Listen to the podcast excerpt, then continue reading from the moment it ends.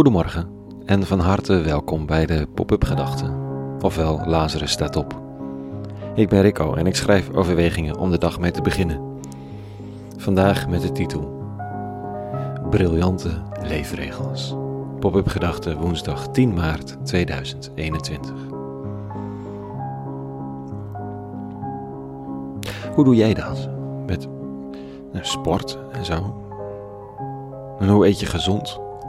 Wat eet je eigenlijk wel en wat eet je eigenlijk niet? Wat zijn daarin je leefregels? Of heb je er eigenlijk niet over nagedacht? Kan ook.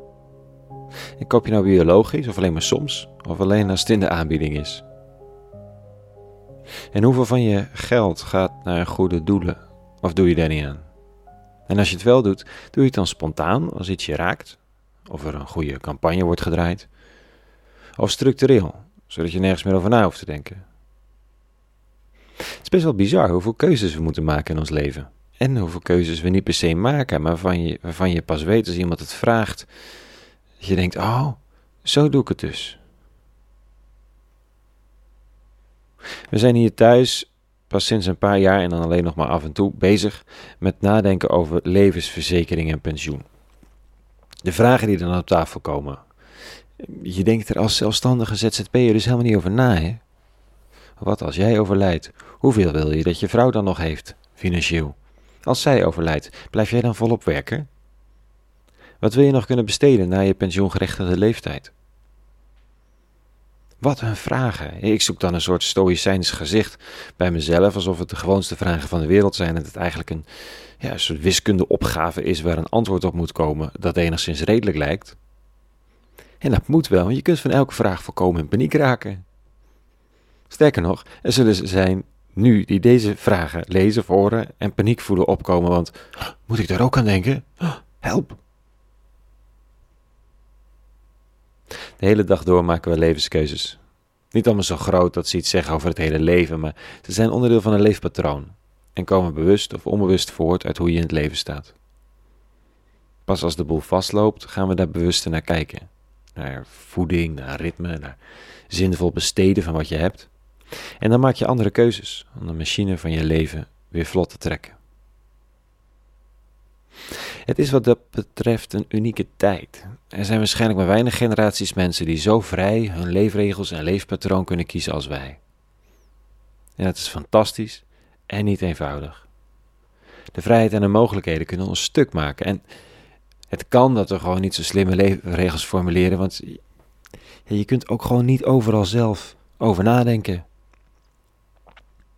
Het Joodse volk waar we vanochtend over lezen in een van de boeken van Mozes krijgt leefregels. Van hoe je het land moet verbouwen tot hoe je moet doneren, van welke overtreding welke straf krijgt en hoe je omgaat met de maandelijkse cyclus. Een zeer gedetailleerd net aan leefregels, waarvan sommigen zeggen het is maar goed dat we van die wet bevrijd zijn, maar waarvan toen de tijd Mozes zei. Ik heb u nu de voorschriften en bepalingen geleerd, zoals de Heer uw God mij had opgedragen. Handel ernaar in het land dat u in bezit gaat nemen en breng ze stipt ten uitvoer, want daaruit zal voor de volken uw wijsheid en uw inzicht blijken.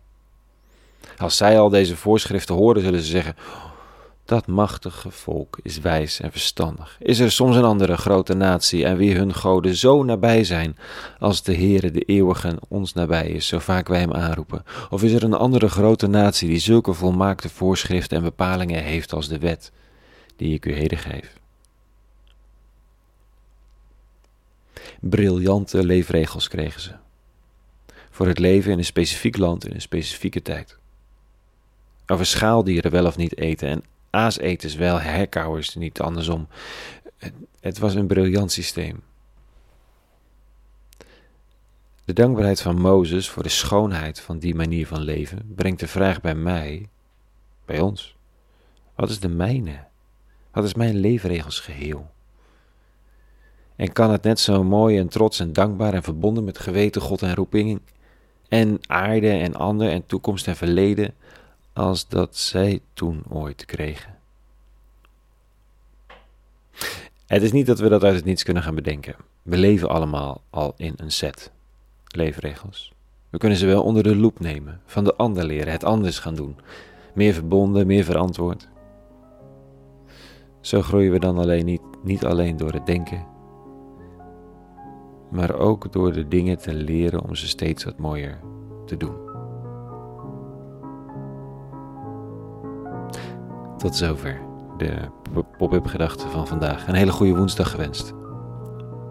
Ja, en vanaf morgen ben ik, zo hopen we, voor een week in Bosnië. Ik hoop contact te houden, maar dagelijkse overdenkingen zal op deze Walk of Shame reis niet op deze manier mogelijk zijn.